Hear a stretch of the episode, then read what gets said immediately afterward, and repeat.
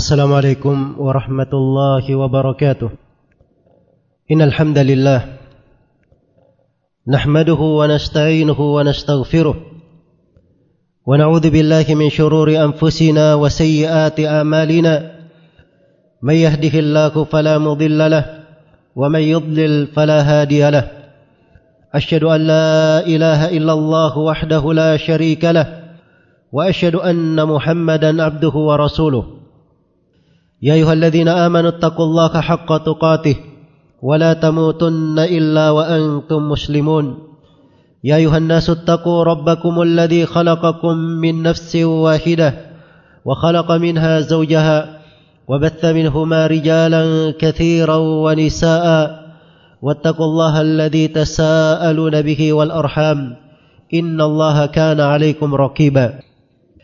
يا أيها الذين آمنوا اتقوا الله وقولوا قولا سديدا يصلح لكم أعمالكم ويغفر لكم ذنوبكم ومن يطع الله ورسوله فقد فاز فوزا عظيما أما بعد فإن أصدق الحديث كتاب الله وخير الهدي هدي محمد صلى الله عليه وسلم وشر الأمور محدثاتها فإن كل محدثة بدعة وكل بدعة ضلالة وكل ضلالة في النار Ma'asyiral muslimin, jemaah Jumat rahimani wa rahimakumullah. Sebuah ayat dalam Al-Quran yang patut selalu kita renungi. Sebuah ayat di dalam Al-Quran yang seharusnya kita mengambil pelajaran-pelajaran dan pijakan-pijakan di dalam kehidupan kita. Ayat ini datang setelah penyebutan sejumlah umat yang dibinasakan. Disebutkan bagaimana kaum Nabi Lut dibinasakan dengan hujan batu dari tanah yang turun dari langit. Dan disebutkan bagaimana Firaun dan bala tentaranya ditenggelamkan. Disebutkan bagaimana kaum Ad mereka dibinasakan dengan angin yang dahsyat lagi membinasakan. Dan disebutkan bagaimana kaum Thamud. Mereka jatuh binasa dengan petir yang menyambar mereka. Dan disebutkan bagaimana kaum Nabi Nuh dibinasakan karena kefasikannya. Kemudian Allah Subhanahu wa taala menyebutkan kebesarannya dengan mencipta langit, bumi dan segala sesuatu berpasangan. Kemudian datang ayat yang mulia ini. Yang harusnya kita renungi dan kita perhatikan akan kandungannya.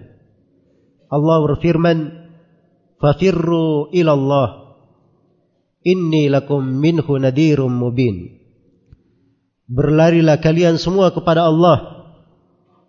Sesungguhnya Aku terhadap kalian Adalah Pemberi peringatan yang sangat jelas.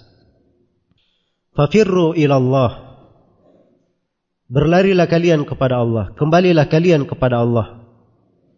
Kembali kepada Allah Dibahasakan di dalam ayat Dengan berlari kepadanya.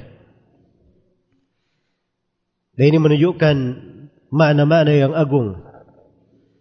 Kaidah-kaidah penghambaan yang sangat luas. Berlari tentunya mengandung dua hal. Mungkin ada sesuatu di belakangnya yang membahayakannya, mengkhawatirkannya. Dia berlari meninggalkannya. Dan yang kedua, mungkin ada sesuatu di depannya yang harusnya segera dia kejar dia sambut, dia menuju kepadanya. Maka demikianlah dibahasakan di dalam ayat kembali kepada Allah dengan berlari. Fafirru ila Allah. Berlarilah kalian semua kepada Allah. Ibnu Abbas radhiyallahu taala anhu Ibnu Abbas radhiyallahu taala anhu berkata, "Firru ila Allah bit taubati min dunubikum." Berlarilah kalian semua kepada Allah dengan bertobat dari dosa-dosa kalian. Dan di dalam riwayat yang lain dari Ibnu Abbas beliau berkata firru minhu ilaihi wa'malu bi ta'atihi berlarilah kalian dari Allah menuju kepada Allah dan beramallah ketaatan kepadanya kalimat-kalimat yang sangat indah dari Ibnu Abbas membahasakan sebagian dari kandungan ayat Yang pertama, berlarilah kalian kepada Allah dengan bertobat dari dosa-dosa kalian. Dosa adalah musibah dan petaka, kemaksiatan, durhaka kepada Ar-Rasul, mendustakan apa yang dibawa oleh para nabi dan para rasul. Itu peringatan terhadap kebinasaan umat-umat yang disebut sebelum ayat ini. Dan ketika disebutkan pencipta langit dan bumi dan segala sesuatu diciptakan berpasangan. Ini semuanya menunjukkan harusnya ada rasa takut di dalam hati yang membuat kita berlari meninggalkan dosa-dosa dan kemaksiatan. Karena itu sangat tajam sekali pemahaman Ibnu Abbas memahami ayat.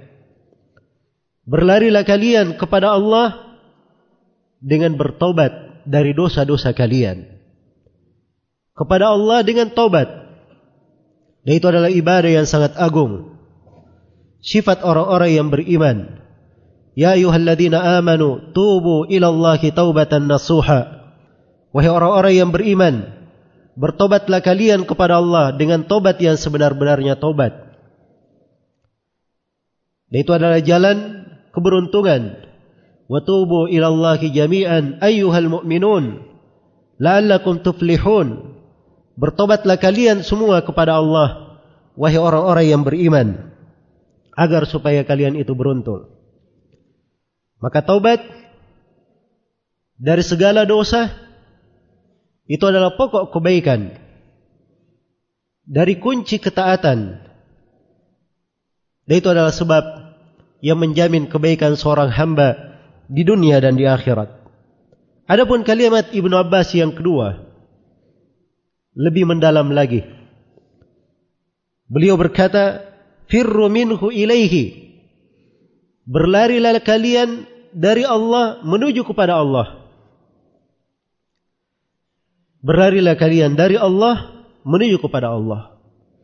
Sebab segala bahaya, segala musibah dan petaka Semuanya adalah ketentuan-ketentuan yang Allah timpakan kepada hamba. Disebabkan kerana dosa, perbuatan dan tangannya sendiri. Tidak ada yang bisa melindungi kalian dari Allah. Kecuali Allah sendiri. Kerana itu berlarilah kalian dari Allah menuju kepada Allah subhanahu wa ta'ala.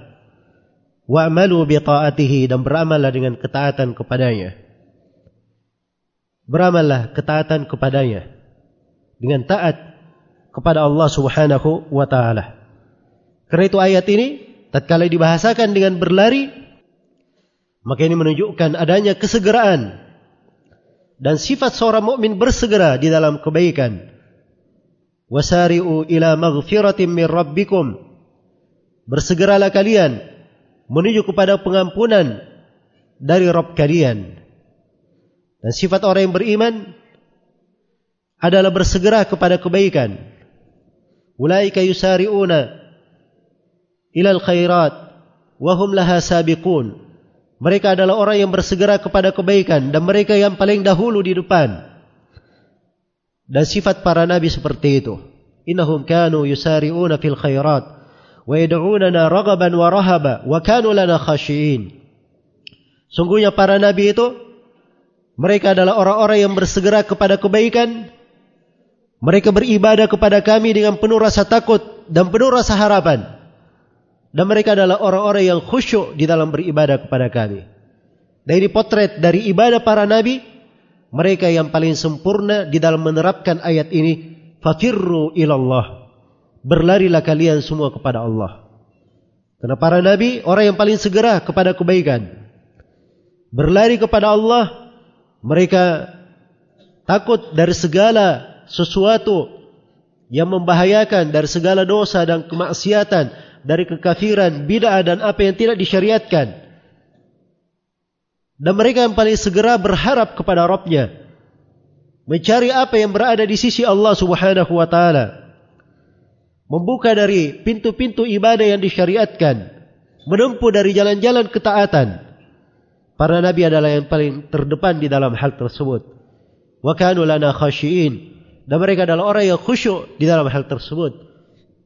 Dalam kesegeraan mereka. Diiringi dengan khusyuknya. Kepada Allah subhanahu wa ta'ala.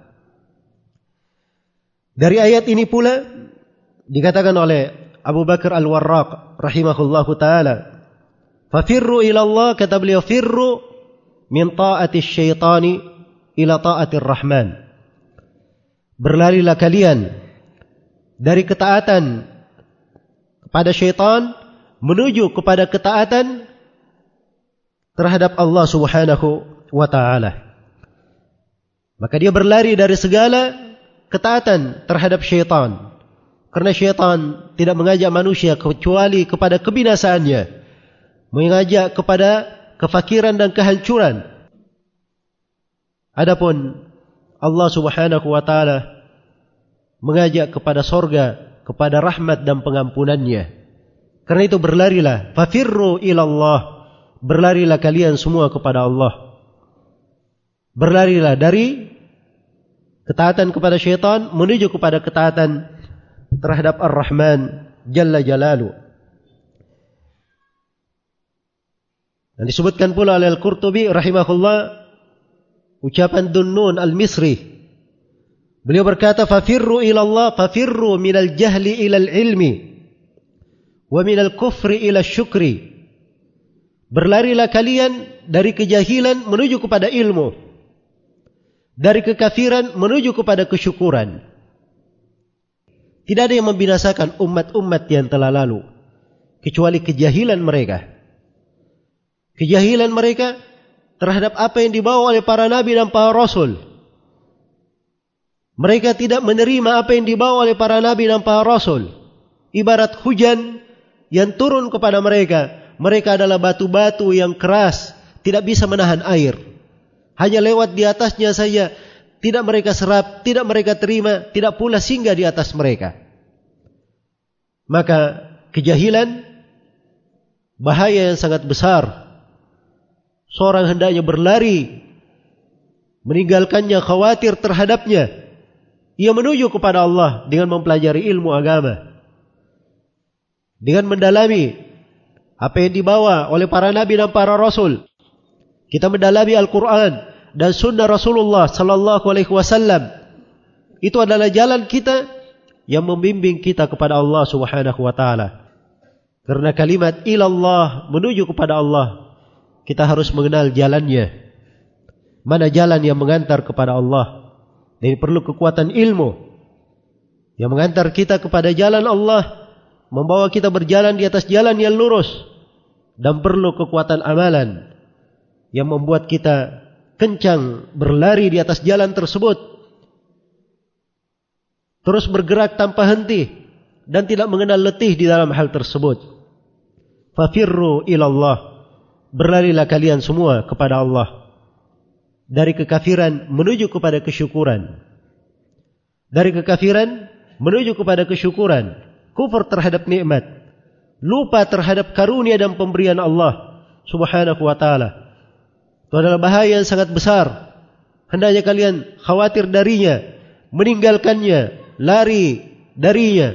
Pergilah berlari menuju kepada Allah Subhanahu wa taala dengan bersyukur kepada Allah Subhanahu wa taala terhadap segala yang dia berikan. Bersyukur kepada Allah Subhanahu wa taala dengan mencintainya, dengan tunduk kepadanya, selalu memuji dengan lisan dan selalu mengingat bahawa segala nikmat itu datangnya dari Allah dan menggunakan nikmat itu pada hal yang dicintai dan diridai oleh Allah Subhanahu wa taala. Fafirru ila Allah. Berlarilah kalian semua kepada Allah. Inni lakum minhu nadhirum mubin. Sesungguhnya aku diperintah kepada Nabi Muhammad mengucapkan, sesungguhnya aku terhadap kalian adalah pemberi peringatan yang sangat jelas. Aku mengingatkan kepada kalian siksaan Allah, bahaya yang menimpa apabila kalian tidak kembali kepada Allah Subhanahu wa taala. Maka ini adalah ayat yang agung. Terdapat di dalamnya dari jenjang-jenjang penghambaan. Di dalam ayat ini menunjukkan bagaimana seorang hamba itu harusnya dia selalu ikhlas kepada Allah Subhanahu wa taala. Itulah yang membawanya kepada Allah, membuatnya berlari kepadanya. Di dalam ayat ini juga menunjukkan tawakalnya kepada Rabbnya. Dia selalu percaya dengan apa yang berada di sisi Allah Subhanahu wa taala. Dan di dalam ayat yang mulia ini juga terdapat al-khauf war raja, harapan dan rasa takut kepada Allah Subhanahu wa taala. Dan di dalam ayat terdapat kaidah al-mahabbah, kecintaan kepada Allah Subhanahu wa taala, cinta pada segala sesuatu yang datangnya dari Allah Subhanahu wa taala. Barakallahu li wa lakum fil Qur'anil azim wa nafa'ani wa iyyakum bima fihi minal ayati wad dzikril hakim wa taqabbalallahu minni wa minkum tilawatahu innahu huwas samiul alim. الحمد لله على إحسانه والشكر له على توفيقه وامتنانه. أشهد أن لا إله إلا الله وحده لا شريك له تعظيما لشانه وأشهد أن محمدا عبده ورسوله الداعي إلى رضوانه صلى الله عليه وعلى آله وأصحابه وإخوانه أما بعد. kaum muslimin jemaah Jumat rahimani wa rahimakumullah pada ayat yang ini fafirru ilallah menunjukkan kerinduannya kepada Rabbnya. Dia selalu ingin berjalan kepadanya berlari dengan kencang menujunya rindu untuk berjumpa dengannya. Rindu untuk berjumpa dengannya. Kerinduannya ini, itulah yang mengantarnya kepada berbagai ibadah. Itulah yang membuat langkah-langkahnya ringan, menempuh segala hal yang berat untuk menjumpainya. Kerinduannya ini, inilah yang membuat dirinya penuh dengan motivasi. Rintangan tidak menjadi masalah. Karena seorang yang cinta apabila dia ingin menemui siapa yang dia cintai, dia rela berkorban dengan apa saja yang dia miliki.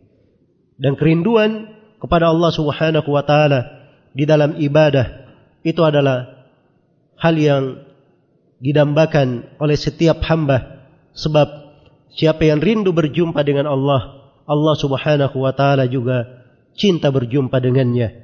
Man ahabba liqa Allah ahabballahu liqa'a. Siapa yang cinta berjumpa dengan Allah, Allah Subhanahu wa taala cinta berjumpa dengannya. Dan Nabi sallallahu alaihi wasallam mengajarkan para sahabatnya memohon kepada Allah Subhanahu wa taala diberi anugerah kerinduan berjumpa dengannya. Di antaranya di dalam doa yang diajarkan kepada Ammar bin Yasir yang dibaca di akhir salat. Di situ disebutkan wa as'aluka laddatan nadhar ila wajhik wasyauqa ila liqa'ik fi ghairi dharra'in mudirra wala fitnatin mudillah.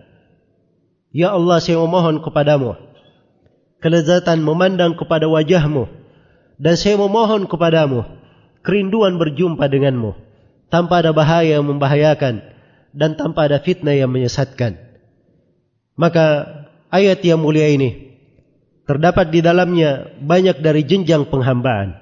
Hendaknya kita perhatikan dengan seksama. Kita selalu merenunginya. Sebab ayat inilah dari ayat-ayat Al-Quranul Karim yang harusnya selalu menjadi warna kehidupan seorang hamba dimanapun dia berpijak. Bagaimanapun kondisi dan keadaannya. Dia harus selalu berada di atas kaidah berlari kepada Allah Subhanahu wa taala meninggalkan apa yang dicela, dibenci dan apa yang bisa mendatangkan siksaan Allah Subhanahu wa taala menuju kepada hal yang dicintai oleh Allah, apa yang merupakan ketaatan kepadanya dan apa yang mendekatkan kepada Allah dan surganya. Dan semoga Allah Subhanahu wa taala mengampuni segala dosa dan kesalahan kita, membimbing kita di atas jalan yang lurus. Innahu waliyyu dzalika wal qadiru alaih. Thumma ya'lamu rahimakumullah. Inna Allah amarakum bi amrin بدا به بنفسه وثنى بملائكته بقدسه فقال جل من قائل إن الله وملائكته يصلون على النبي يا أيها الذين آمنوا صلوا عليه وسلموا تسليما اللهم صل وسلم على نبيك ورسولك محمد وارض اللهم عن خلفائه الراشدين أبي بكر وعمر وعثمان وعلي وعن الصحابة أجمعين وأن معكم بفضلك وجودك وإحسانك يا أكرم الأكرمين. اللهم اغفر للمسلمين والمسلمات والمؤمنين والمؤمنات الأحياء منهم والأموات إنك سميع قريب مجيب الدعوات يا قاضي الحاجات. اللهم أرنا الحق حقا وارزقنا اتباعه وأرنا الباطل باطلا وارزقنا اجتنابه. اللهم آمنا في أوطاننا. وفق ولاة أمورنا ووفقهم لكل ما تحبه وترضاه. يا أرحم الراحمين. اللهم لا تجعل في قلوبنا غلا للذين آمنوا. ربنا إنك رؤوف رحيم. ربنا آتنا في الدنيا حسنة وفي الآخرة حسنة وقنا عذاب النار. عباد الله إن الله يأمر بالعدل والإحسان وإيتاء ذي القربى وينهى عن الفحشاء والمنكر والبغي يعظكم لعلكم تذكرون. فاذكروا الله العظيم الجليل يذكركم واشكروه على نعمه يزيدكم. ولذكر الله أكبر. والله يعلم ما تصنعون.